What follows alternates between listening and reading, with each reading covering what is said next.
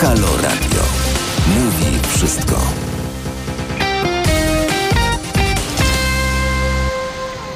Dzień dobry, drodzy Państwo. Aleksandra Rutkowska. Kłaniam się nisko. Dziś 15 marca, godzina 13.06.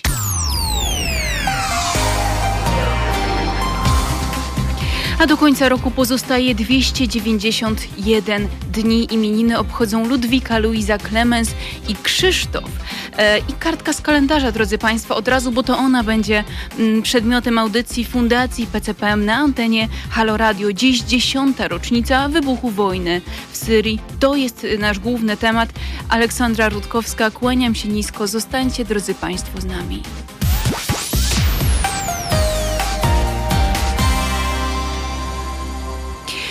Od 15 marca, drodzy Państwo, 2011 roku do dziś na naszych oczach Ponad pół miliona ludzi w jednym tylko kraju zginęło, a 13 milionów straciło swój rodzinny dom. Syria w 40% zrównana jest z ziemią, a te zniszczenia materialne są większe niż w Polsce po II wojnie światowej.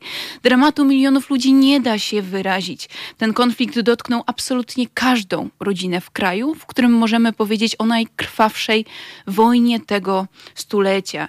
E, I na tę wojnę chcielibyśmy dziś spojrzeć oczyma ludzi, którzy byli bardzo blisko tych tragedii. Obserwowali je, opisywali je mm, i dziś opiszą i opowiedzą nam w audycji Fundacji PCPM na antenie Halo Radio. Moimi gośćmi będzie na początku e, pierwszą gościnią Karolina Gaca-Pogorzelska, w następnej części Michał Zieliński i Patryk Strzałkowscy. Po dekadzie konfliktu w środku pandemii i w obliczu ciągłych strumieni nowych kryzysów Syria zniknęła z pierwszych stron gazet. To są słowa mm, Antonio Gutierreza, sekretarza generalnego ONZ.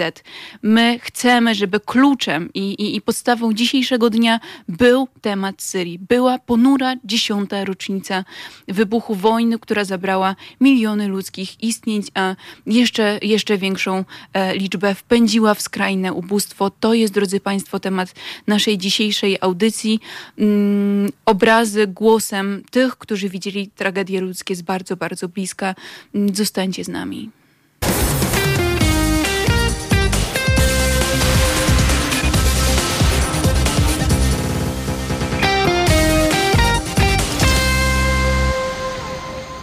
13.13, 13, drodzy Państwo, na naszych zegarach audycja Fundacji PCPM na antenie Halo Radio i temat kluczowy dnia dzisiejszego, lat 10 wojny w Syrii, 10 lat dramatu, 10 lat cierpienia, o którym dziś rozmawiać będę z moimi fantastycznymi gośćmi.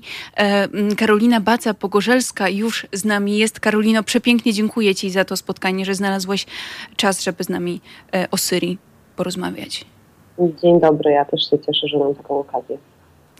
E, pani redaktor wielokrotnie nagradzana, e, nominowana, doceniana mm, za swoją pracę dziennikarską, nie odwróciła także mm, swojej uwagi, swoich oczu, swoich uszu na to, co w Syrii, między innymi poprzez akcję Uwolnić Omara. Karolino, chciałabym Cię zapytać o to, o te Twoje refleksje na dziesiątą rocznicę wojny w Syrii nie będą zbyt optymistyczne jak e, przy każdej wojnie, bo patrzę na Syrię, patrzę na Jemen, patrzę na Ukrainę i mam wrażenie, że tak jak e, mówiliśmy przy akcji Uwolnić Omara, cytując piosenkę Aleppo umiera zespołu Roki, świat zamknął oczy. Mam wrażenie, że im dłużej jakikolwiek konflikt zbrojny trwa, ten syryjski chyba zwłaszcza, to jest o nim coraz ciszej. To znaczy, mamy dziesiątą rocznicę i, i, to fajnie, że, że media podejmują ten temat, natomiast y, ja doskonale pamiętam ostatnie lata, kiedy nie było okrągłych rocznic, albo kiedy trzeba było zorganizować, y, tak jak my organizowaliśmy z Fundacją Światło dla Syrii, taką akcję y, Dary dla Syrii, żeby uzyskać jakąkolwiek pomoc, żeby przewieźć 6 ton zebranych darów to są, to są bardzo trudne doświadczenia i dlatego mam taką gorzką refleksję, że z jednej strony patrzę na ten wysyp materiałów dziennikarskich e, na temat tej dziesiątej rocznicy, a z drugiej strony mam ochotę zapytać wiele osób, a gdzie byliście rok temu, dwa lata temu, trzy lata temu, kiedy to nie była dziesiąta, tylko trochę niższa i mało okrągła rocznica. No właśnie, 10 lat dużo łatwiej e, jest zatrzymać uwagę świata, kiedy mówimy o okrągłych rocznicach, ale ten dramat nie toczy się tylko dziś, 15 marca, toczy się 16, 17, toczyć się będzie e, i toczy się od lat e, wielu. Mm, Karolino, ale zatrzymajmy się właśnie może, mm, zwłaszcza dziś, kiedy ludzie no, średnio ten temat może na co dzień poruszają albo o nim myślą, ty byłaś bardzo blisko tej tragedii ludzkiej, którą, którą też opisywałaś, którą, o którą apelowałaś. E, czego świat dziś nie widzi przede wszystkim? Nie widzi milionów ludzi. Milionów ludzi. Przecież e, tak naprawdę przy granicy syryjsko-tureckiej, po stronie syryjskiej do końca nie wiemy tak naprawdę, jakie są realne dane, ilu jest tych migrantów wewnętrznych, tych, którzy musieli opuścić swoje domy w obawie o swoje zdrowie, życie i koczują w obozach po stronie syryjskiej Kolejne miliony są po tej drugiej stronie, po stronie tureckiej. Ja w ubiegłym roku y, byłam na granicy turecko-syryjskiej właśnie dokładnie praktycznie rok temu, kiedy, kiedy chciałam zobaczyć, jak, jak sobie ludzie radzą e, właśnie po stronie tureckiej, jak radzą sobie Syryjczycy. Byłam między innymi w okolicach Hatay, gdzie takie oficjalne obozy nie istnieją, ale są takie obozy na dziko. No jedno z takich najbardziej dojmujących doświadczeń wtedy to był taki obóz, w którym były w zasadzie obóz, trudno powiedzieć, że to był obóz, to było, to było takie obozowisko kompletnie, kompletnie bez ładu i składu, w którym były praktycznie same kobiety i, i chłopcy mali ewentualnie, bo ich mężowie, ich bracia y, zginęli na wojnie. Im udało się jeszcze wtedy przedostać na tę turecką stronę i te kobiety w tym takim prowizorycznym obozowisku niedaleko granicy jakoś sobie funkcjonowały. No, ja, ja, nie umiem obok takich rzeczy przechodzić mm, bez zastanowienia się, co można by z tym, z tym zrobić. Mm, I ja pamiętam, że to też, żeby się uderzyć w pierś, to nie jest tak, że ja od 10 lat y, śledziłam z zapartym tchem wojnę w Syrii. Oczywiście widziałam, co się tam dzieje, obserwowałam to, co się tam dzieje, ale jakieś 5 lat temu zaczęłam się zastanawiać, Boże, y, zaczęła się wojna wtedy na Ukrainie. Jak to jest możliwe, że rozpoczyna się kolejny konflikt i, i my jako ludzie, nie wiem, jakoś w ogóle nie, nie mamy jakiejś takiej, nie wiem, empatii, czy tylko tak pokiwamy głową i powiemy, ojej, jakie to straszne. No, no, to samo współczucie i współodczuwanie to, to nie wystarczy, bo ono nie pozwoli tym ludziom e, przeżyć. Oni cały czas e, potrzebują jakiegoś wsparcia i nie, nie chciałabym teraz być źle zrozumiana, nie tylko tego, by mówić o tym, bo to też jest bardzo ważne, by mówić o tym, że ta wojna trwa, ale takiej realnej pomocy. To, co wy robicie w Libanie, tak? To, co, to, co robi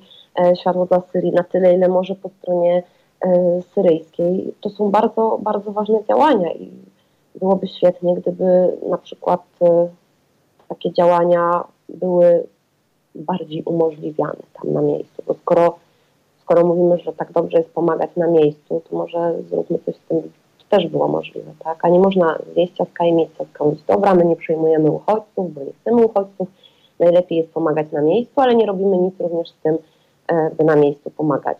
To jest, to jest coś, o co mam, o co mam bardzo dużo żal. Karolina, mm, Podsumowując, 13,5 miliona, zwróćmy na to uwagę, osób potrzebuje dziś pomocy humanitarnej w Syrii, także poza jej granicami. E, rzeczywiście, jako Polskie Centrum Pomocy Międzynarodowej uruchomiliśmy cały czas ją kontynuujemy, ale dziś szczególnie apelujemy o to mm, wsparcie i w Libanie, ale i, mm, i w Syrii. Ale o, o, tym może trochę później, bo chciałabym przede wszystkim skupić się na tym Twoich obserwacjach i Twoich doświadczeniach, bo mówimy o 13 ponad milionach ludzi. To są gigantyczne liczby, ale za każdą z tych liczb stoi przecież historia. Czy Ty masz takie historie, które zostały z Tobą? Mam, mam, mam trochę takich historii. No tą najcięższą i najtrudniejszą to jest ta związana z akcją uwolnić Omara przez rok razem z Piotrkiem Czobanem, dziennikarzem TVN24. Robiliśmy wszystko, by wydobyć y, z ogarniętej wojną Syrii parę dziennikarzy z dwójką dzieci. Trwało to bardzo długo. Było bardzo trudnym doświadczeniem. Ostatecznie um, udało im się z Syrii um, uciec do Turcji. Szczegóły może pominę dla bezpieczeństwa wszystkich.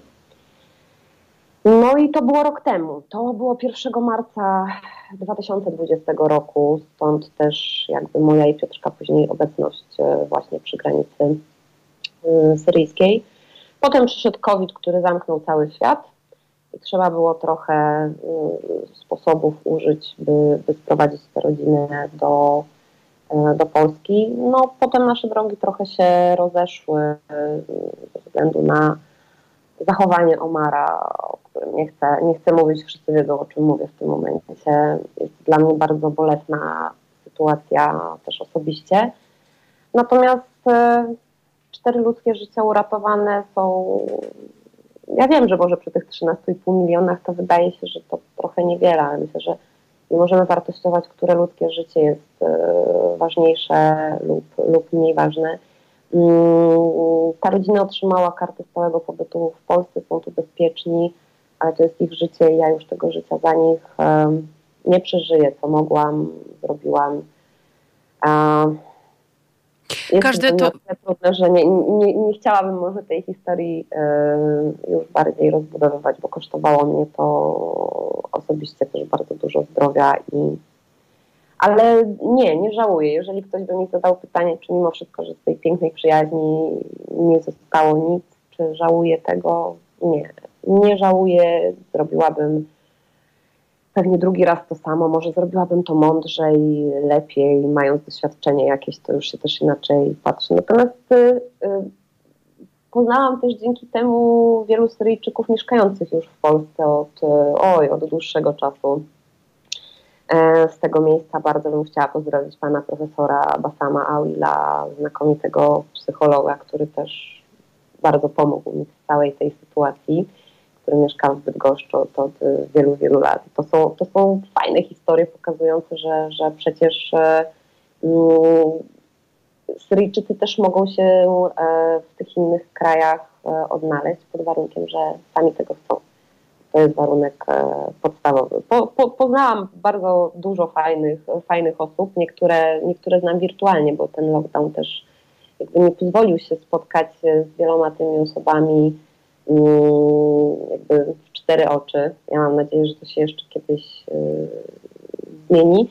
Natomiast to jest, to jest to, o czym warto, o, o czym warto mówić, że wszyscy jesteśmy ludźmi de facto takimi samymi ludźmi.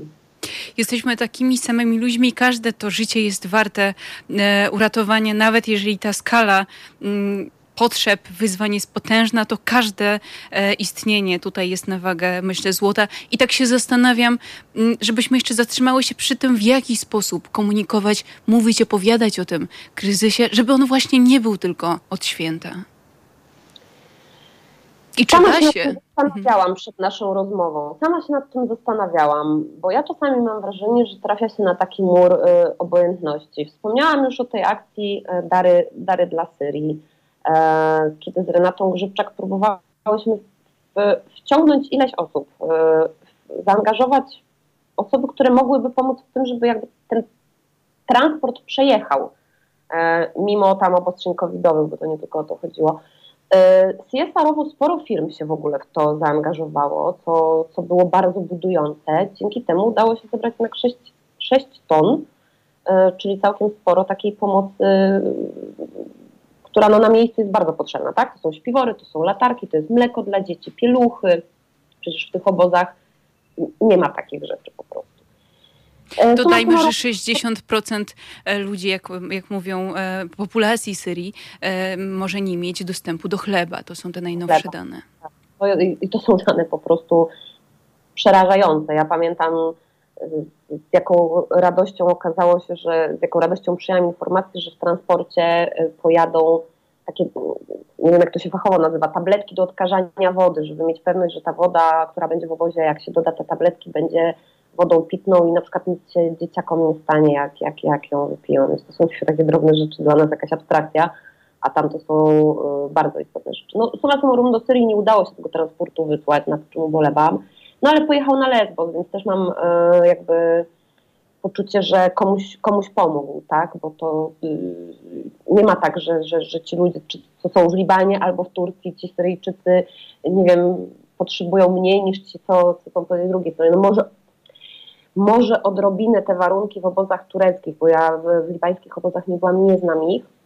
Natomiast jeśli chodzi o obozy tureckie, te zorganizowane już, a nie te dzikie, przez Turków może te warunki są nieco lepsze niż po tej stronie y, syryjskiej, gdzie jest po prostu katastrofa. No ja bież, na bieżąco y, śledzę to co, to, co Fundacja Światło dla Syrii też wyrzuca od y, wolontariuszy, którzy są po tamtej stronie na miejscu. E, no to jak, jak widzimy po prostu, co się w zimie stało, no to, to, jest, to jest tragedia. I teraz wrócę do tego muru obojętności. Ja mogę wykorzystać wszystkie swoje zasięgi, potencjał, który gdzieś mogę mieć w mediach społecznościowych, prosić.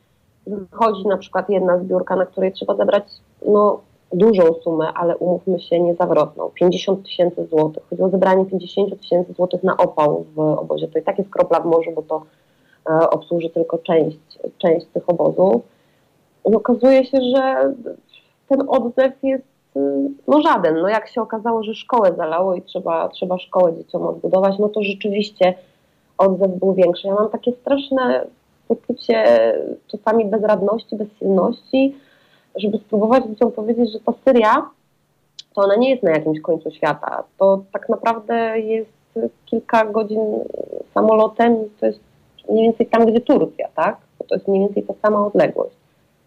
Ale mam wrażenie, że to, to do nikogo nie trafia. Mało tego, straszny poziom jest dezinformacji, jeśli chodzi e, o działania jakiekolwiek, które na terenie Syrii się E, odbywają. No jak ja słucham e, legend miejskich na przykład na temat działalności White Helmets, białych hełmów, to czasami włos mi się na głowie ja już czasami nie wiem, jak odczarowywać e, taką rzeczywistość, bo mam wrażenie, że przez tych 10 lat w opinii publicznej właśnie przez to, że ten przekaz był bardzo urywany, wyrywkowy, jeśli chodzi o to, co tak naprawdę dzieje się w Syrii, no to to mam wrażenie, że to już jest takie nie do, nie do odkręcenia, że pewne rzeczy zostały y, w ludziach, zostały w ich y, sposobie myślenia, że nic się z tym nie da zrobić. No my w Outriders y, też mamy w pamięci to, że jest dziesięciolecie wojny. Ono jest teraz, ale my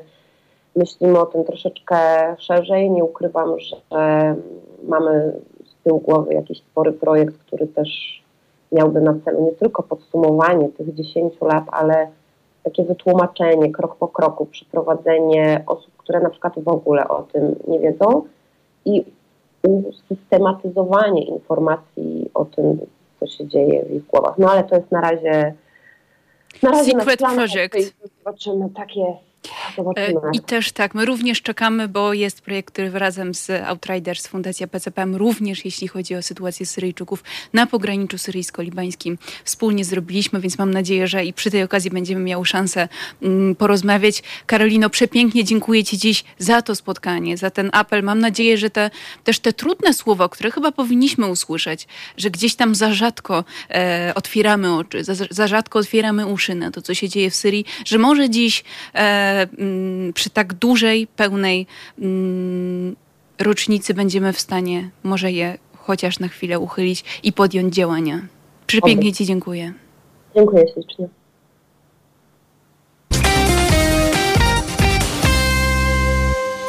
13.31 Aleksandra Rutkowska, audycja Fundacji PCPM, a tematem 10 lat wojny w Syrii, ponura rocznica, o której dziś rozmawiamy z reporterami i reporterkami mm, polskimi, którzy mm, w Syrii i w okolicy, w pograniczach e, mm, spotykali się, obserwowali, oceniali e, i dziś mogą podzielić się z nami swoimi, e, swoimi historiami. Ze mną już jest Michał Zieliński, fotoreporter, który od 2013 roku relacjonował to, co się działo w Syrii, e, między innymi na łamach Tygodnika Powszechnego, Wirtualnej Polski, Wysokich Obcasów, Przekroju e, Polski Zbrojnej, National Geographic Polska publikował e, materiały. Michale, dzień dobry, dziękuję Ci, że jesteś z nami. Dzień dobry Olu, dzień dobry Państwu. E, jedno sprostowanie. E, od 2013 roku rzeczywiście zajmuję się relacjonowaniem tego, co się dzieje na świecie, natomiast jeżeli chodzi o Syrię, to od 2016 roku. Od 2016 tutaj wprowadzamy mm, drobną zmianę. E, Michale, rozmawiałyśmy przed chwilą z Karoliną o tym, że jest dość duża dezinformacja na temat tego, co się dzieje w Syrii. Jak ty z perspektywy 10 lat myślisz o tej, e, mm, o sposobie, w jaki my opowiadamy o tym konflikcie? Dezinformacja wynika przede wszystkim z tego, mm, że konflikt w Syrii jest bardzo trudny do opisania. To jest pierwsza rzecz. E, zaangażowanych stron jest e, mm, sporo i każda z nich tak naprawdę realizuje swoje cele. To nie jest też tak, że wszystkie walczą z, z każdą. Tak? To znaczy ten konflikt w różnych częściach Syrii przebiega w różny sposób. E, poza tym oczywiście e, no, nie jest w interesie tych stron, żeby mówić o niektórych rzeczach. Każda próbuje pokazać e, ten konflikt przez pryzmat tego, co jest dla niej najkorzystniejsze. I co za tym idzie, utrudnia też weryfikowanie pewnych informacji, które, którzy starają się zrobić dziennikarze. Nawet będąc na miejscu, weryfikowanie informacji Syrii jest ekstremalnie trudne.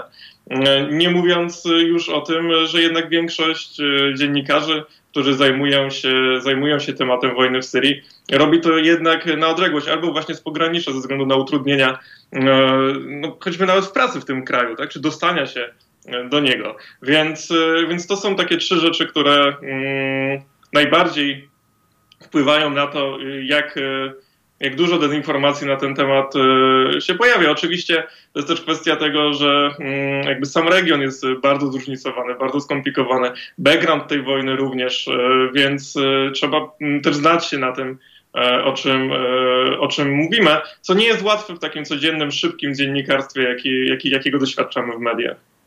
No właśnie, Michale, ty te, te doświadczenia i te obserwacje miałeś z bliska, z wnętrza. Syria roku 2016. Jak wyglądała?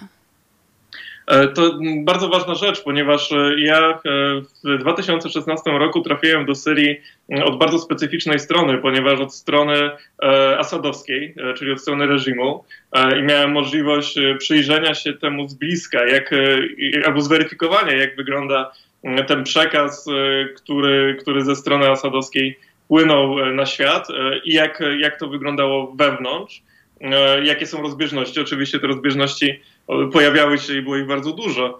E, później w 2017-2018 roku relacjonowałem e, Syrię z innych stron konfliktu, przede wszystkim ze strony SDF-u, czyli Syryjskich Sił Demokratycznych, tak naprawdę, których kojarzymy jako Kurdów, E, ale, ale jest to troszeczkę bardziej zróżnicowana e, formacja. Tam również walczą Arabowie, Asyryjczycy i inne mniejszości.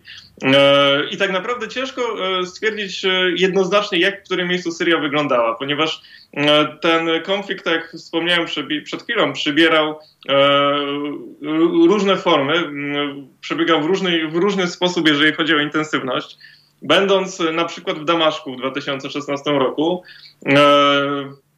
samo centrum, e, stolica w tym czasie funkcjonowała, przynajmniej starała się funkcjonować e, normalnie, na tyle, na ile to jest możliwe w czasie wojny. Natomiast już 3-4 kilometry dalej trwały e, bardzo ciężkie walki o Daraję, która była oblężona, w której, w której, który, którą, gdzie, trwały bombardowania w której ginęli masowo ludzie. Trzy na przykład o obóz Jarmuk, którym no, walki trwały jeszcze przez wiele lat później, aż do 2018 roku e, i który jest tak naprawdę bezpośrednio częścią Damaszku, przylega do, e, do stolicy.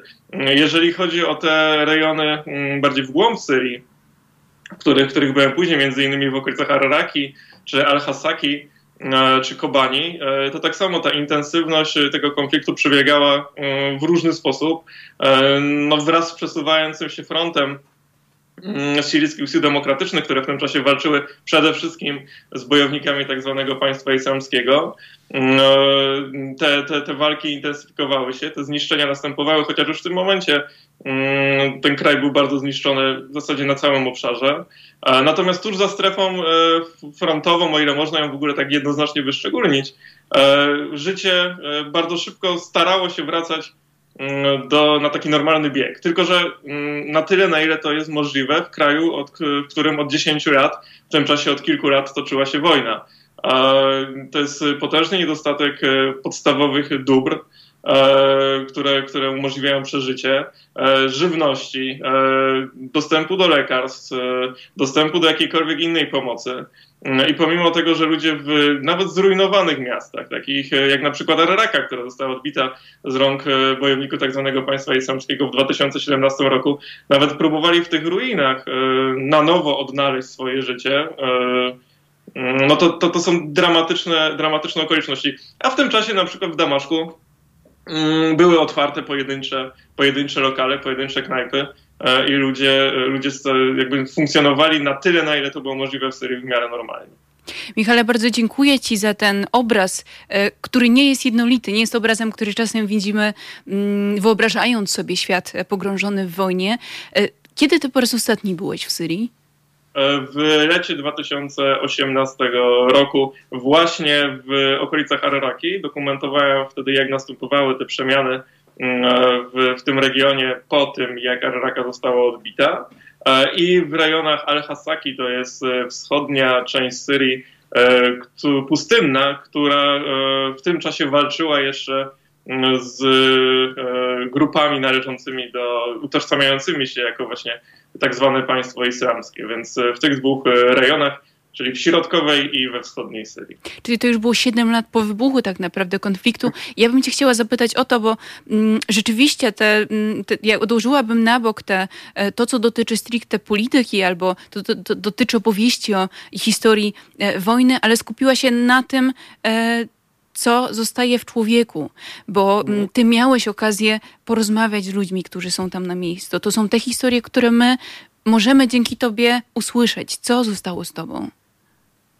E, przede wszystkim, e, mówiąc o ludziach, mówimy tutaj o milionach e, Syryjczyków, których dotknęła trauma wojny, potężna trauma wojny. Ja nie chcę mówić o straconym pokoleniu, ponieważ uważam, że każdemu człowiekowi, zwłaszcza dotkniętemu takimi, takimi doświadczeniami, no nie wolno ich po prostu przekreślać. I mam nadzieję, że stworzymy też jako, jako, jako Zachód, jako między innymi pomoc humanitarne warunki do tego, żeby ci ludzie jak najszybciej mogli odnaleźć, e, odnaleźć się ze swoimi traumami w codzienności. E, natomiast spotkałem masę straumatyzowanych e, ludzi, przede wszystkim dzieci, ale nie tylko. Pamiętam obraz chłopca, którego spotkałem właśnie w Ararace, około 12-letniego, mm, który no, w taki nawet ciężki do kontrolowania przez siebie sposób podbiegał do ludzi, między innymi, między innymi do nas e, i takim bardzo jednoznacznym gestem sugerował, że e, żeby ucinać im głowę po prostu. E, podchodził, podchodził do szyi, dokładał rękę do szyi i przesuwał, i przesuwał w taki sugestywny sposób. Myślę, że, że takich sytuacji, zresztą takich sytuacji również więcej, więcej widziałem, e, czy w obozach wewnętrznych, czy, e, czy, czy w miastach, które, które w tym czasie, no, tak jak mówię, starały się w tej części Syrii wrócić do normalności, mimo tego, że w okolicach Araraki wciąż, wciąż trwały walki. Mm, myślę, że przede wszystkim ważne jest to, żeby e, nie myśleć o Syryjczykach jako ludziach gdzieś tam na Bliskim Wschodzie, zmagających się z problemami odległymi i geograficznie, ale też czasem e, mentalnościowo od naszych. Mm, ale przede wszystkim zobaczyć w nich e, człowieka takiego, jakiego, jakiego widzimy w naszych bliskich, jakiego widzimy ludzie, których spotykamy na co dzień na ulicach, bo to są dokładnie tacy ludzie, swoją drogą bardzo serdeczni, bardzo otwarci na drugiego człowieka ludzie, wbrew temu, e, co można by sądzić po tych przekazach, które widzimy na co dzień w mediach. Zdecydowanie to, ta serdeczność, gościnność, e, która jest e, mm, od Syryjczyków e, na pograniczu, z którym ja miałam przyjemność i wartość wielką się spotkać, to rzeczywiście było zawsze, zawsze otwarte mm, serce, ręce na to, żeby, mm, żeby nawet w tym mikroskali móc ugościć i pokazać, że jest jestem jako człowiek dla nich ważna, że ich odwiedzam, że jestem z nimi. To jest niesamowita wartość i, i, i war, war, ważne podkreślenie.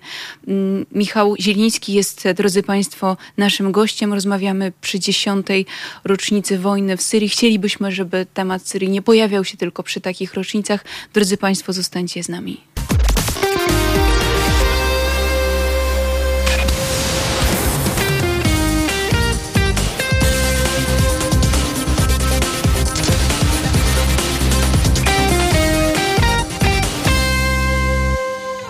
13.44, drodzy Państwo, audycja Fundacji PCPM na antenie Halo Radio. Ze mną jest Michał e, Zieliński, fotoreporter, e, reporter, który relacjonował od 2016 roku to, co e, działo się w Syrii. Michale, mm, dziś 40% infrastruktury mm, tego kraju, kraju, który, mm, o którym mówimy, że doszło tam do najkrwawszej wojny tego stulecia, te 40% infrastruktury jest zrównane z ziemią. 13 milionów ludzi straciło miejsce rodzinne, miejsce, w którym się urodziło. Co ty widziałeś, czy w 2016, czy w następnych latach, jak, tak jak mówiłeś, jeśli chodzi o tę możliwość, o tę przestrzeń do tego, żeby gdzieś się podzieć. Bo te obrazy, które ja pamiętam, to, to, to zepsutych, e, zniszczonych budynków, e, szkół, pozostałości po szkołach, które nagle stawały się przestrzenią dla mieszkania dla kilkudziesięciu rodzin na przykład. Rzeczywiście e, Syria jest potężnie zniszczona. E, nie wszystkie miasta są zrównane z ziemią. E, ale w tych, e, które toczyły, w których toczyły się ciężkie walki, a w wielu toczyły się bardzo ciężkie walki, e, rzeczywiście są dosłownie zrównane z ziemią. Wspomniana przeze mnie Araraka, ona miała symboliczny charakter dla, dla obu stron. W tym wypadku i dla SDF-u, i dla tak zwanego państwa islamskiego, no to przypominała i dalej przypomina, bo to jest bardzo ważne, tak? Znaczy ta odbudowa Syrii no, no nie, nie, postępuje, w, nawet w tych regionach, które są już spokojniejsze.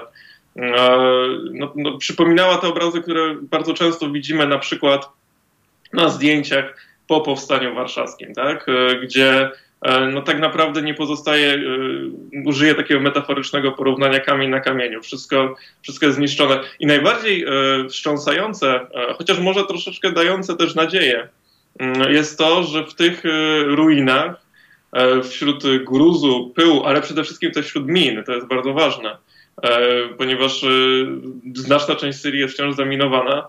W przypadku Araraki w tym czasie, czyli w 2018 roku, mówiliśmy o zaminowaniu jeszcze przynajmniej 60% powierzchni miasta. I to są setki tysiące, o ile nie setki tysięcy różnych min, pułapek, naprawdę mm, bardzo też wymyślnych konstrukcyjnie.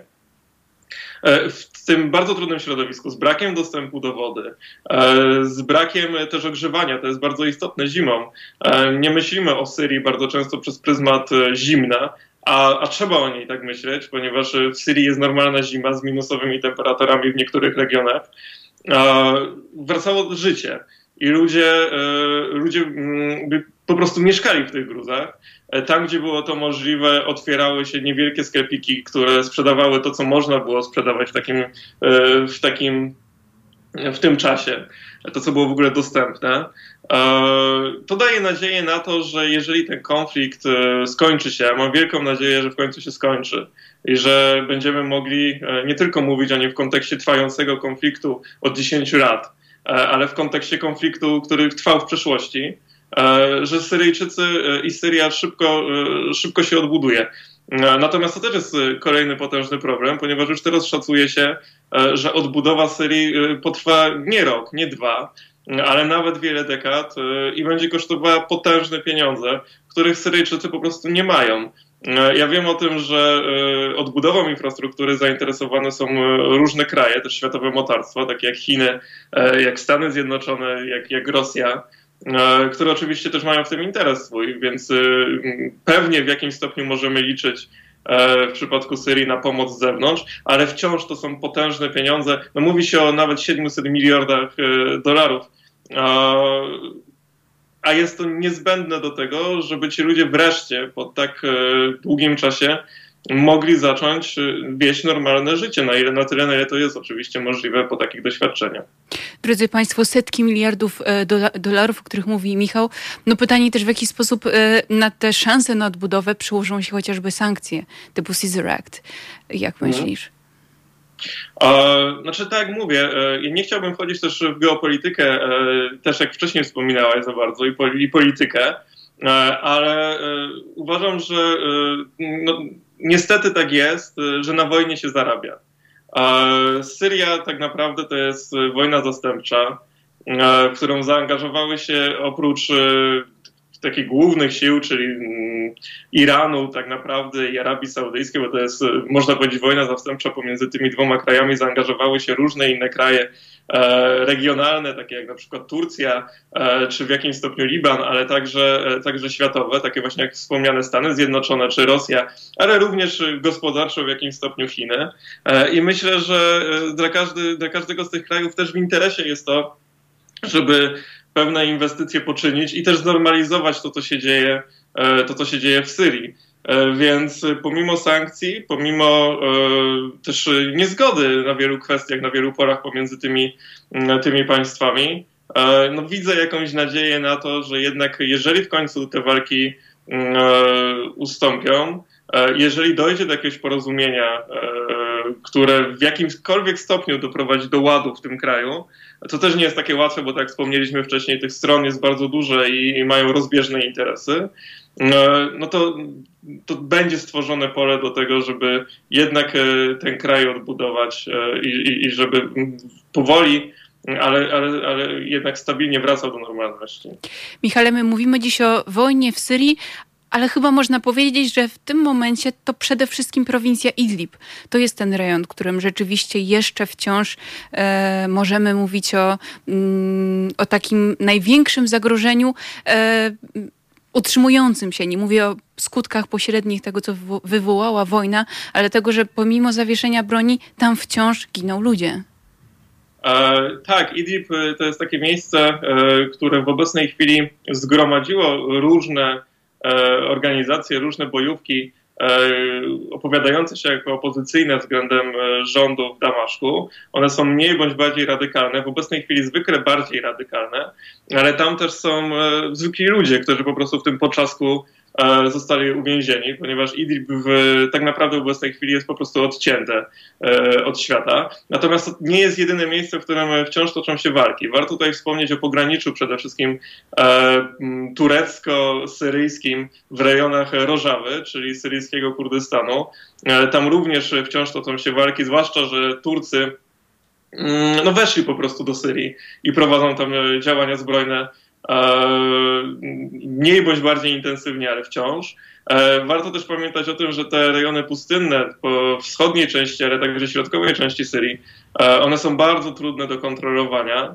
Kontrolowane są też przez e, różne, różne strony, głównie przez stronę rządową i, i przez stronę E, SDF-u, czyli w dużym uproszczeniu kurdyjską, e, ale jednocześnie tam wciąż operują e, bojówki na przykład tak zwanego państwa islamskiego, oczywiście już nie w takiej skali jak przed laty, jak przed 2017 rokiem, mm, ale wciąż to zagrożenie jest.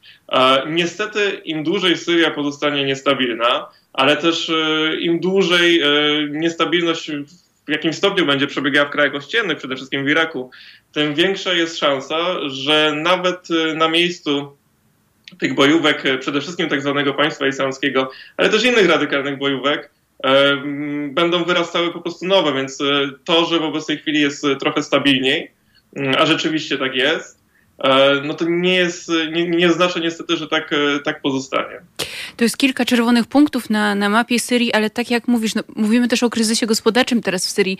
E, często jest tak, że głód staje się zarzewiem konfliktów. Pytanie, jak myślisz, w jaki sposób ten, ta sytuacja w Syrii w najbliższym czasie może się właśnie zmieniać? Biorąc pod uwagę, że naprawdę 60% populacji tego kraju no nie ma dostępu do chleba.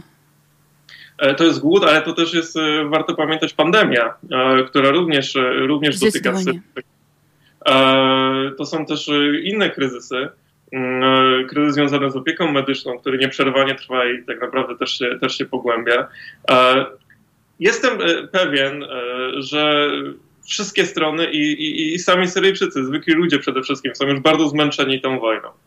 Z drugiej strony, tak jak wspomniałaś, są postawieni w wielu wypadkach pod ścianą. E, I to też, to też tą wojnę przedłuża.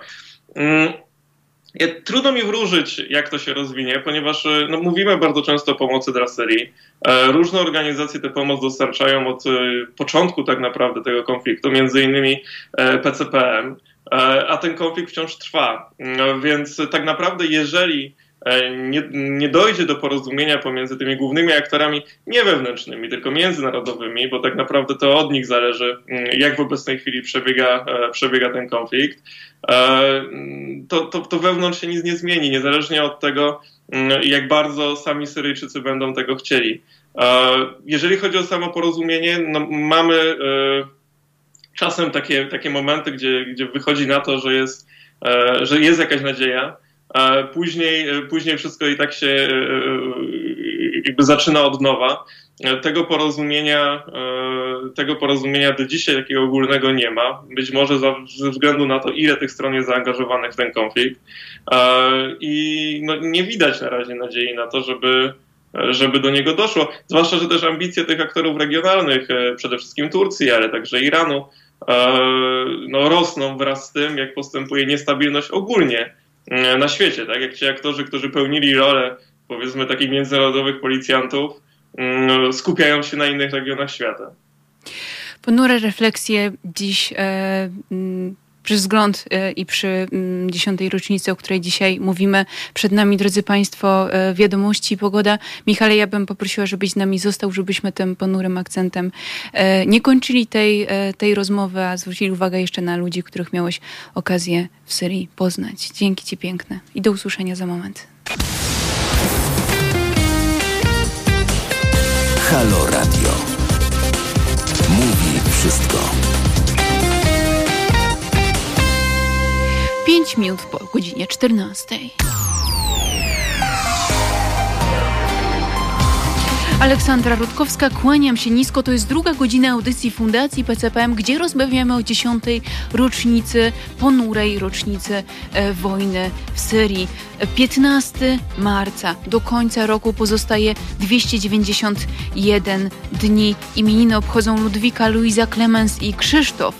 E, kartka z kalendarza dziś to przede wszystkim e, ponura rocznica, o której rozmawiamy z moimi gośćmi, więc zostańcie, drodzy Państwo, z nami.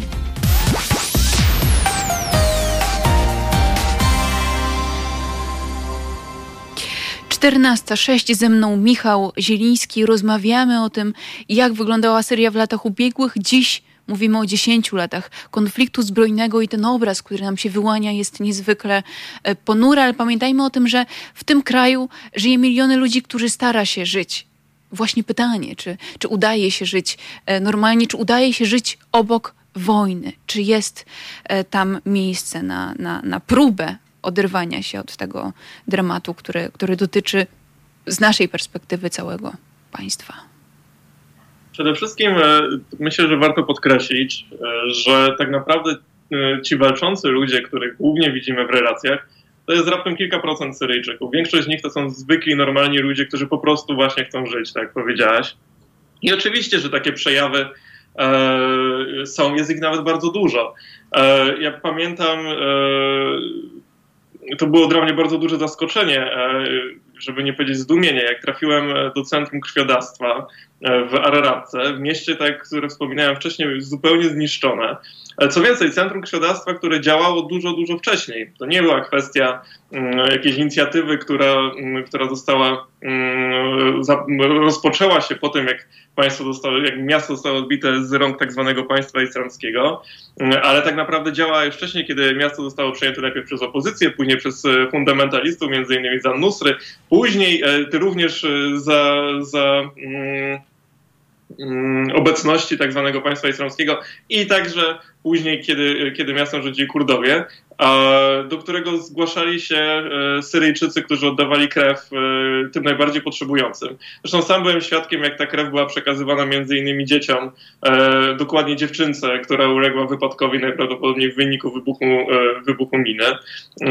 Ta krew była przechowywana w bardzo trudnych warunkach, a jednak, jednak wciąż jakby mm, nie porzucano tej nadziei i pomimo tego, że pewnie mm, no, nie wszystkie te zasoby udawało się uratować ze względu choćby na, na upał, e, to, to, to Syryjczycy, Syryjczycy tam się zgłaszali i zgłaszali się e, licznie. E, ważne jest też to, że mm, wojna sama w sobie krystalizuje emocje. I krystalizuje te złe, oczywiście, których jest bardzo dużo, ale krystalizuje również te dobre. spotkałem się z niesamowitą życzliwością, serdecznością, ale też bardzo mm, takim dogłębnym oddaniem ze strony, e, ze strony ludzi właśnie w Syrii, czy Kurdów, czy Syryjczyków, czy Asyryjczyków, e, czy innych mniejszości, Druzów, e, którzy niejednokrotnie zupełnie bezinteresownie dzielili się ze mną ostatnimi ostatni, ostatnimi rzeczami, które mieli. Co więcej, e, chronili, e, chronili moje życie swoim własnym ciałem. Na szczęście nie miałem takiej sytuacji, żeby, żeby ktoś w ten sposób ucierpiał, e, ale jakby byli gotowi na to tylko z takiej czystej, ludzkiej serdeczności. I oczywiście też dlatego, że, że zależy im na tym, żeby pokazać, z jakim olbrzymim dramatem się, się mierzą. Ale nie, nie, nie, było to zawsze interesowne, tak? albo głównie nie było to interesowne, mm, e, ponieważ taka ludzka, codzienna życzliwość, e, którą prawdę mówiąc mm, no, spotykam w różnych miejscach na świecie, ale nie aż w takiej ilości, e, mm, często, często działa się w momentach, które zupełnie nie były związane z moją, z moją pracą, tak? takim jak właśnie dzielenie się posiłkiem, czy czy, czy noclegiem, bo przecież spałem e, bardzo często u zwykłych ludzi. Chciałbym też wspomnieć tutaj postać e, Raszłana, mojego tłumacza, e, tak zwanego fixera, dzięki któremu mogłem w różne miejsca się dostać, który stał się moim bardzo serdecznym przyjacielem, który cały czas jest w Syrii i który no jakby przyjął nas tam nie dlatego, że jesteśmy dziennikarzami, i dlatego, że, e, że mógł dzięki temu coś zyskać, ale przede wszystkim dlatego, że jesteśmy ludźmi, którzy też e, jakby dzielą w tym czasie, którzy, który, który tam byli, z nim te wszystkie, wszystkie trudy. Mm, więc myślę, że myśląc o Syryjczykach, warto przede wszystkim myśleć o nich właśnie tak, jak też mówiłem wcześniej, jako zwykłych ludziach, którzy bardzo, bardzo chcą, pragną wreszcie żyć normalnie w pokoju.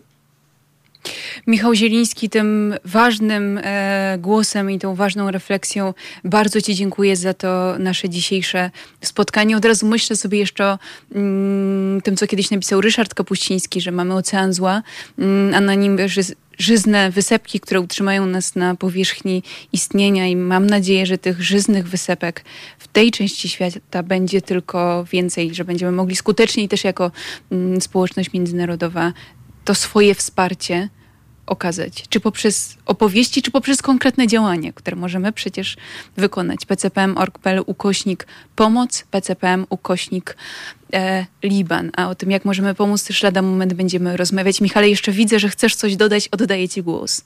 Również mam taką nadzieję i bardzo dziękuję. E mam nadzieję, że przy następnej, e, następnej okazji będziemy mogli troszeczkę więcej już pozytywnych rzeczy na temat serii powiedzieć. I ja na to również mam, mam nadzieję. Przepięknie dziękuję Ci za to dzisiejsze spotkanie.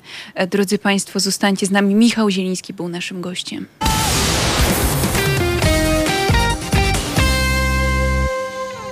14.15, drodzy Państwo, na naszych zegarach tematem dziesiąta ponura rocznica wojny w Syrii. A nasz następny gość, Patryk Strzałkowski, z którym lada moment się e, połączymy, napisał dziś, myślę, że to chyba najlepiej oddaje mm, opowieść o trudną opowieść o, o tym, co się wydarzyło e, poprzez historię Amiry. Amira ma 10 lat i jest rówieśniczką wojny domowej w swoim kraju. Nie jest prawdziwą postacią. Opisaną niżej, fabularyzowaną historię stworzyłam jednak na podstawie prawdziwych losów i wydarzeń. Poznałam je podczas dziesiątków rozmów z Syryjczykami na uchodźstwie w Libanie, Jordanii, Iraku i w Europie.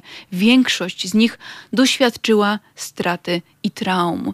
To są historie traum, historie, mm, które wydarzają się nawet wtedy, kiedy e, uda się uciec przed tym niebezpieczeństwem wojny, ale cały czas tą wojną w jakiejś mierze się żyje. E, zachęcam bardzo Państwa do przeczytania tego tekstu na, mm, na łamach gazeta.pl. Autorem jest Patryk Strzałkowski, nasz dzisiejszy kolejny gość. Patryku, dzień dobry, dziękuję Ci, że jesteś z nami. Cześć, dzień dobry, dzięki za zaproszenie. Patryku, ty opowiedziałeś historię dziesięcioletniej Amiry, żeby tak naprawdę z wielu historii, które usłyszałeś, żeby opowiedzieć, e, w jakim miejscu jest teraz Syria. Syria jako zbiór obywateli obywatelek, a nie tylko miejsce geograficzne. E, jak to two, te twoje refleksje w tym ponurym, trudnym dniu wyglądają?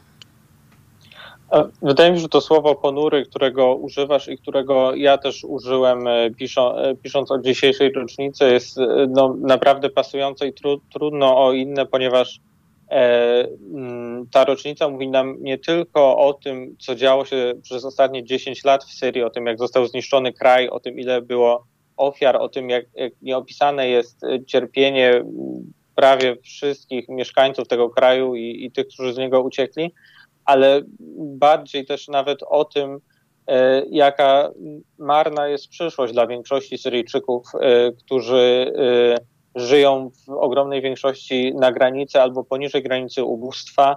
E, około 6 milionów żyje na uchodźstwie, jeszcze więcej jest wysiedlonych wewnętrznie w kraju. E, nawet ci, którzy nie musieli opuścić swoich domów, e, i tak mm, mają trudność z tym, żeby żyć z dnia na dzień, a już szczególnie ci w też ubogich krajach Bliskiego Wschodu, takich jak Liban, takich jak Irak, E, są trochę w pułapce, bo z jednej strony mm, nie bardzo mają dokąd wracać, kraj wciąż, w kraju wciąż toczy się wojna, wciąż jest niebezpiecznie, a z drugiej strony ich życie w, w obozowiskach, w ruderach e, nie daje żadnych perspektyw na lepszą przyszłość dla nich, czy przede wszystkim dla ich dzieci. Te historie, które miałeś okazję słyszeć w różnych świata częściach, to są historie właśnie o traumie? E, bardzo, często, bardzo często tak. To jest y, temat, y, kiedy skoro już też rozmawiamy o pracy dziennikarskiej, y, no to trauma to jest temat, którego trudno dotknąć w krótkich, pojedynczych spotkaniach. Niestety, chociaż miałem okazję rozmawiać z wieloma uchodźcami, to najczęściej były to krótkie wyjazdy i w związku z tym krótkie, pojedyncze rozmowy. E, dlatego ten, ten temat mm, można było się czasem tylko domyślać tej traumy, kiedy, kiedy słyszało się ich opowieści, a mm, dużo bardziej y, okazuje się to przy dłuższych rozmowach y, z, z, jednym z uchodźców, którego zresztą poznaliśmy wspólnie w Libanie, Amar, 17-letni y, chłopiec, wtedy kiedy go poznaliśmy. Miałem okazję, podobnie jak ty, korespondować z nim przez, przez miesiące po, po tym spotkaniu i przy tym dłuższym poznaniu widać, widać było te traumy, widać było to no, bardzo bezpośrednio, kiedy pisał o tym, że, że ma dosyć y, życia takiego, jakie wiedzie, że, że nie chce już po prostu żyć jako uchodźca bez, bez żadnej nadziei na przyszłość, bez, bez zrobienia czegokolwiek na co dzień. Nie, nie, niekoniecznie musi chodzić o te traumy takie wojenne, chociaż oczywiście pewnie trudno znaleźć syryjską rodzinę, która nie straciła kogoś bliskiego, Y, dzieci, dorośli, którzy doświadczyli y, ogromnej przemocy, y, ale kolejną traumą, czy, czy jakimś tutaj czymś, co, co powiększa te, te wcześniejsze, jest właśnie ta, ten taki marazm życia na uchodźstwie, kiedy nie ma pieniędzy, kiedy każdy dzień to jest po prostu walka o to, żeby, żeby przetrwać do jutra, żeby nie umrzeć z głodu, żeby nie umrzeć z zimna. Co, co samo w sobie jest po prostu takim stałym i, i niekończącym się w zasadzie traumatycznym przeżyciem.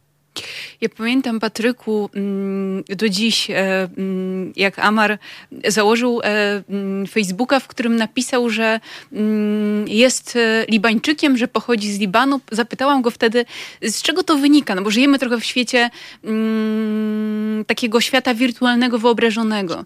I, i nie mogę do dziś zapomnieć, jak, jak właśnie argumentował to, że łatwiej jest mu mówić wszystkim, że jest Libańczykiem, że obraz siebie jako Libańczyka widział mm, no, dużo bardziej e, mm, pozytywnie niż jako uchodźcy. On nie chciał żeby ludzie wiedzieli, że on uchodźcą jest. Ty odwiedzałeś wielokrotnie w różnych częściach świata um, uchodźców, czyli tych, którzy uciekli przed niebezpieczeństwem, bezpośrednim niebezpieczeństwem. Jak to ich życie poza wojną, ale nie do końca chyba e, na poziomie, na poziomie właśnie mentalnym wygląda. Już, już abstrahując od właśnie traumy, ale zatrzymując się przy takim codziennym życiu. E, myślę, że czymś, co jest ważne do zrozumienia ich sytuacji, jest to, że bycie uchodźcą sprawia, że jesteś jeszcze bardziej narażony na wiele innych problemów. E, to jest coś, o, o, czym naprawdę warto pamiętać, bo kiedy spojrzałem na, na komentarze pod moim dzisiejszym artykułem, pojawiało się to, co, co wielokrotnie pojawia się w takich komentarzach, że po co mi piszecie o tym, że jacyś Syryjczycy y, żyją z dnia na dzień i, i nie mają pieniędzy na jedzenie, skoro w Polsce też są tysiące ludzi, którzy nie mają pieniędzy na jedzenie, czy którzy być może żyją w zimnie. E, no i to nie znaczy, że nie powinniśmy myśleć, czy nie powinniśmy pomagać tym ludziom w Polsce.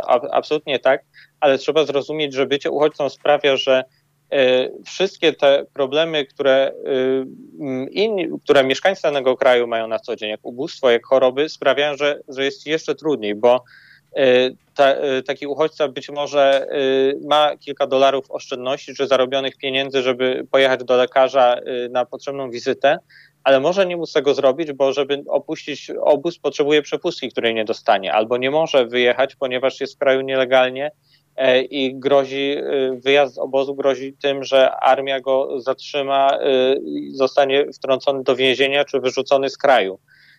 No akurat jeżeli mówimy o, o uchodźcach żyjących w Libanie czy w Jordanii, no nie ma tutaj przynajmniej tej barier, bariery kulturowej czy językowej, ale już Syryjczycy w Turcji są w kraju o, o innej kulturze, innym języku. E, więc załatwienie e, wszelkich spraw po prostu w urzędzie formalnym wymaga e, albo tłumacza, albo znajomości innego języka po, po jednej czy drugiej stronie. Więc to, to jest życie, w którym jakby wszystkie problemy, które każda osoba może mieć na co dzień, finansowe, zdrowotne, osobiste, E, są potęgowane przez to, w jakiej, że, że ta osoba znajduje się właśnie w tej sytuacji uchodźstwa. A przypomnijmy jeszcze, że w Turcji jest najwięcej, ponad 3 miliony e, Syryjczyków. Najwięcej, ale chyba najbardziej e, odczuwającym kryzys państwem jest właśnie Liban, gdzie co szósta osoba na ulicy, którą spotkamy, jest właśnie uchodźcą i Polskie Centrum Pomocy Międzynarodowej razem z mm, dziennikarzami, teamem Gazeta.pl mm, zbiera i uruchomiło zbiórkę na PCPM pcpm.org.pl ukośnik Liban, zwłaszcza w dobie pandemii, o której rozmawialiśmy i na co Michał Zieliński zwraca uwagę, że obok tych wszystkich kryzysów, o których mówimy, cały czas trwa pandemia, która potęguje te problemy, więc ten dostęp do opieki medycznej jest szczególnie ważny. Patryku, zatrzymajmy się na chwilę przy tej mm, akcji dotyczącej wsparcia kliniki.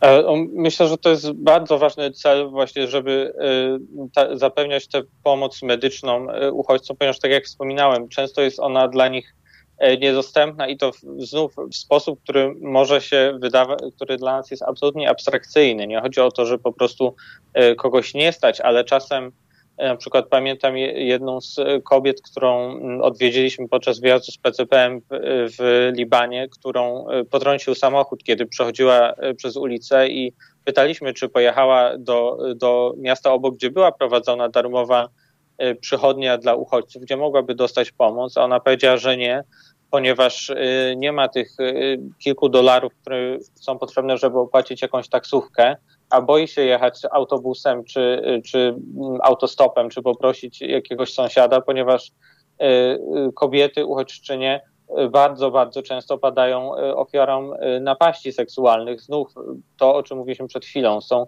bardziej narażeni. Być może obywatelka, oczywiście kobiety, obywatelki danego kraju też są narażone, ale uchodźczynie jeszcze bardziej, ponieważ ciężko im liczyć na jakąkolwiek pomoc. Nie mają rodziny, do której mogą się zwrócić o pomoc, trudniej e, jest im iść na policję. Policja mogłaby po prostu jeszcze bardziej być skłonna do zignorowania na przykład takich informacji. E, no dlatego, dlatego ważne jest, żeby zapewniać te wsparcie, które jest po pierwsze w takiej przychodni, a po drugie w tym, co realizuje PCPM i, i co realizują też inne organizacje w, w innych miejscach, czyli tych tak zwanych klinikach mobilnych, które dojeżdżają do uchodźców, zapewniają pomoc tym, e, których nie stać, czy z innych powodów nie mogą nawet dojechać do, do innej miejscowości. E, no i zachęcam wszystkich Państwa do odwiedzenia strony gazeta.pl, gdzie są mm, po pierwsze nasze artykuły na temat wojny w Syrii, a po drugie właśnie, czy przede wszystkim informacje o tej naszej zbiórce i informacje o tym, jak można ją wesprzeć. Ja również przyłączam się do tej prośby i Patryku, e, przed przerwą jeszcze zatrzymam się nad takim pytaniem, bo to, co podkreślaliście w tekstach, mm, to fakt, że o Syrii informujecie nie tylko przy okazji dziesiątej rocznicy, ale że staracie się regularnie, ty też jesteś e, autorem większości tekstów, które, które traktują o tej części świata, traktują e, o Syrii, starasz się przybliżać czytelnikom, czytelniczkom różne historie, które, które usłyszałeś, czy poprzez osoby, które poznaliśmy, tak jak my wspólnie, chociażby Amara, czy, czy niekoniecznie tylko poprzez te historie. I zastanawiam się, czy masz klucz, w jaki można tworzyć opowieść o, o kraju, który może nie jest geograficznie jakoś szalenie od nas oddalony, ale czasami mam wrażenie, że w świadomości szalenie daleko. I to, co podkreślał Antonio Gutierrez, mm, Syria zniknęła z pierwszych stron gazet przez te 10 lat, które upłynęło. I pytanie, w jaki sposób e, mówić o tym, co się dzieje w Syrii, kiedy mówimy o tym po raz dziesiąty e, przy okazji rocznicy, ale nie tylko. To jest pytanie, które też sobie zadawałem przed, y, przed tą rocznicą. Zastanawiałem się, y, w jaki sposób y, pokazać, opowiedzieć naszym czytelnikom o tej historii, o której z jednej strony przecież wiele już słyszeli, wiele czytali a, mm, i, i trudno mm, im powiedzieć coś, czego pewnie nie przeczytali wcześniej, bo, bo wielokrotnie pisaliśmy o losach uchodźców, o losach Syryjczyków. No ale mm, to, to, co spróbowaliśmy zrobić, no to po pierwsze mm, pokazać, to jest trochę oczywiste, ale, ale chyba jednak warte pamiętania, to, to właśnie tę ludzką, y, y, ludzką stronę y, takiej tej wojny, jednej osoby, chociaż mamy też artykuły o, o gospodarce Syrii, o sytuacji politycznej, o, o historii konfliktu, no to tym, tym pierwszym artykułem jest właśnie ten, o, ta, ta, to opowiadanko, krót, krótkie opowiadanie o, o dziesięcioletniej dziewczynce, które w pigułce pokazuje e, z jednej strony historię wojny, a, z drugiej to, jak wpływa ona na, na te pojedyncze, prawdziwe osoby, których są miliony. E, no a, a po drugie, wydaje mi się, że no, też po prostu, po prostu trze, trzeba o tym mówić. E, warto się zastanawiać w jaki sposób, ale mm, nawet jeżeli nie mamy idealnego rozwiązania, jeżeli nie mamy jakiegoś wyjątkowego, wyjątkowego pomysłu, czy wyjątkowej historii, to po prostu mówić. Nie, mm, Mamy nie przestawać. Się, mhm. tak, nie przestawać. Nie przestawać, y, chociaż y, trudno oczywiście, żeby mm, każdego dnia te informacje nie schodziły z, z czołówek serwisów informacyjnych. Wiele, wiele innych rzeczy, też wiele trudnych rzeczy dzieje się na świecie. E, no ale po prostu nie, nie, nie przestawać, e, pomimo tego, że minęło dużo czasu, pomimo tego, że może ten konflikt e, trochę wygasa, to pamiętać, że nawet wygasanie konfliktu, walk, to, to o czym media piszą najczęściej, to nie znaczy, że życie ludzi w Syrii staje się łatwiejsze. Czasem wręcz przeciwnie. I my, drodzy Państwo, nie przestajemy. Patryk Strzałkowski jest naszym gościem. Zostańcie proszę z nami. To jest Halo Dzień w Halo Radio.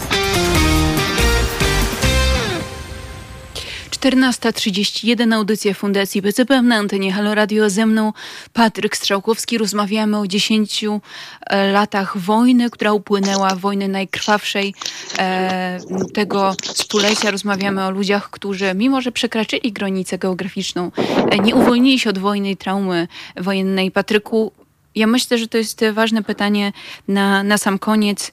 E, z czym ty zostajesz e, po tych historiach, które przez ostatnie lata słyszałeś? O czym my powinniśmy też, jako słuchacze i słuchaczki, e, pamiętać? Czego moglibyśmy się nauczyć też? Myślę, żeby mm, warto, żebyśmy pamiętali o tym, i to jest też trochę błąd, który popełniają media, o którym się często mówi, e, tak zwana wiktymizacja, czyli pokazywanie ludzi w sytuacji uchodźstwa, konfliktu tylko z perspektywy tego, że są e, ofiarą. No i oczywiście, oczywiście oni są ofiarami tej sytuacji, ale wciąż są e, ludźmi. Każda, to zdanie, które ostatnio przeczytałem, e, każda, każdy, e, ono dotyczyło, dotyczyło zupełnie innej wojny, drugiej wojny światowej i, i Żydów, ofiar Holokaustu, zdanie napisane przez, przez jednego z nich, że każdy e, Żyd w czasie Holokaustu, w czasie zagłady jest indywidualnym wszechświatem. I, I tak samo jest w tej wojnie. E, każdy Syryjczyk jest tutaj indywidualnym światem, który ma e, swoje uczucia, e, który ma swoją godność. I ta godność to jest to, co bardzo często było widać też w tych wizytach, które odbywałem w ich, w ich domach, w namiotach, kiedy pomimo trudnej sytuacji byli i tak niezwykle serdeczni, niezwykle gościnni, kiedy było widać, że nawet te najbardziej liche namioty są przyozdobione, starają się sprawić, żeby były jakieś bardziej przytulne, żeby były nawiastką domu. I myślę, że o tym e, warto, żebyśmy pamiętali. I o tym, drodzy Państwo, pamiętajmy. Proszę zwrócić uwagę, jak często ta, ta refleksja dotycząca mm, tego ciepła i dobra i serdeczności, którą e, mm, dają Syryjczycy nam e, poprzez reporterów, poprzez reporterki, które e, obserwują e, to, co się dzieje w ich kraju, które relacjonują to, co się dzieje w ich kraju, którzy starają się oddać te historie, jak tacy kurierzy informacji.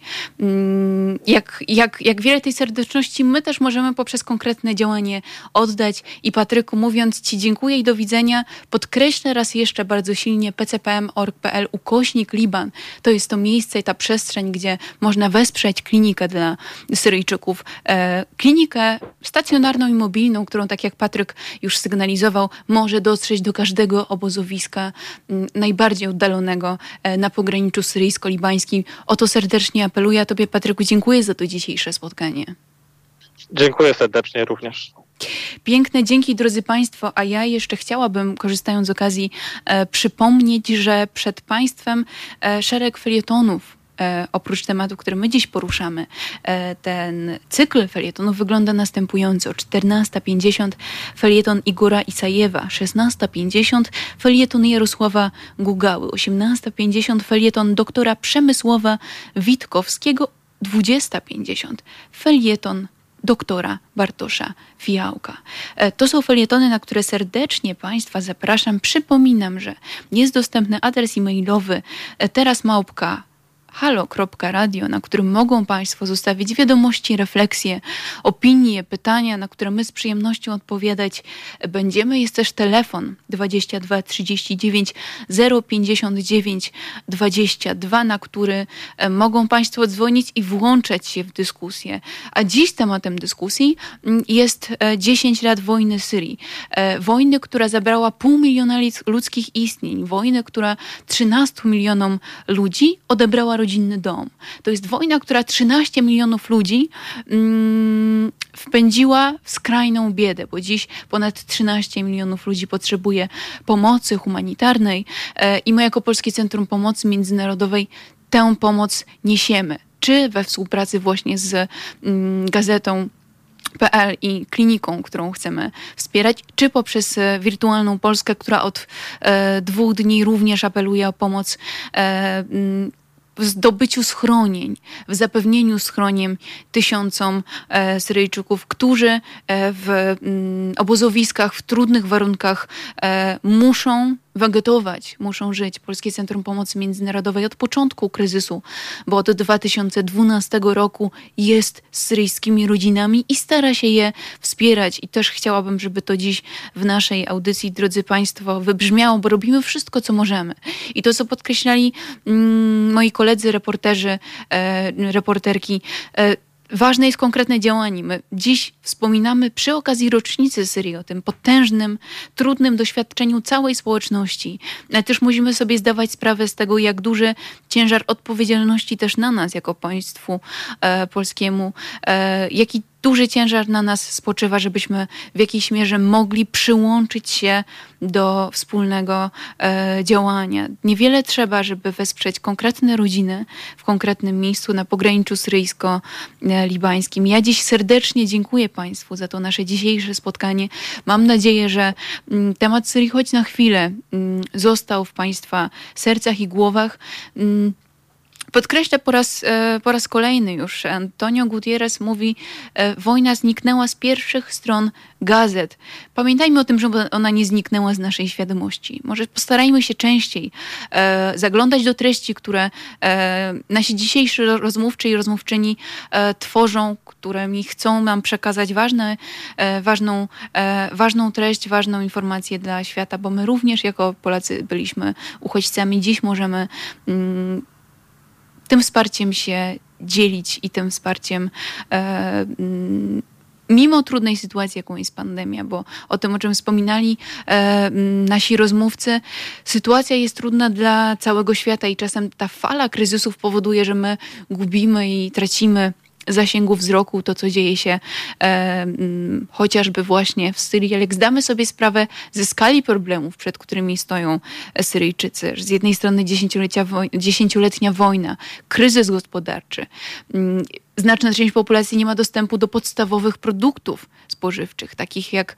chleb, nie ma dostępu do opieki zdrowotnej, bo wiele szpitali było po prostu bombardowanych i stało się celem, a nie miejscem, do którego można udać się mm, o pomoc, gdzie można dostać e, pomoc. Więc z tą refleksją Państwa dziś zostawiam. Bardzo dziękuję za ten czas razem spędzony. To była audycja Polskiego Centrum Pomocy Międzynarodowej na antenie Halo Radia pcpm.org.pl ukośnik pomoc, pcpm.org.pl ukośnik Liban. To są te miejsca, gdzie mogą Państwo e, podjąć konkretne działanie.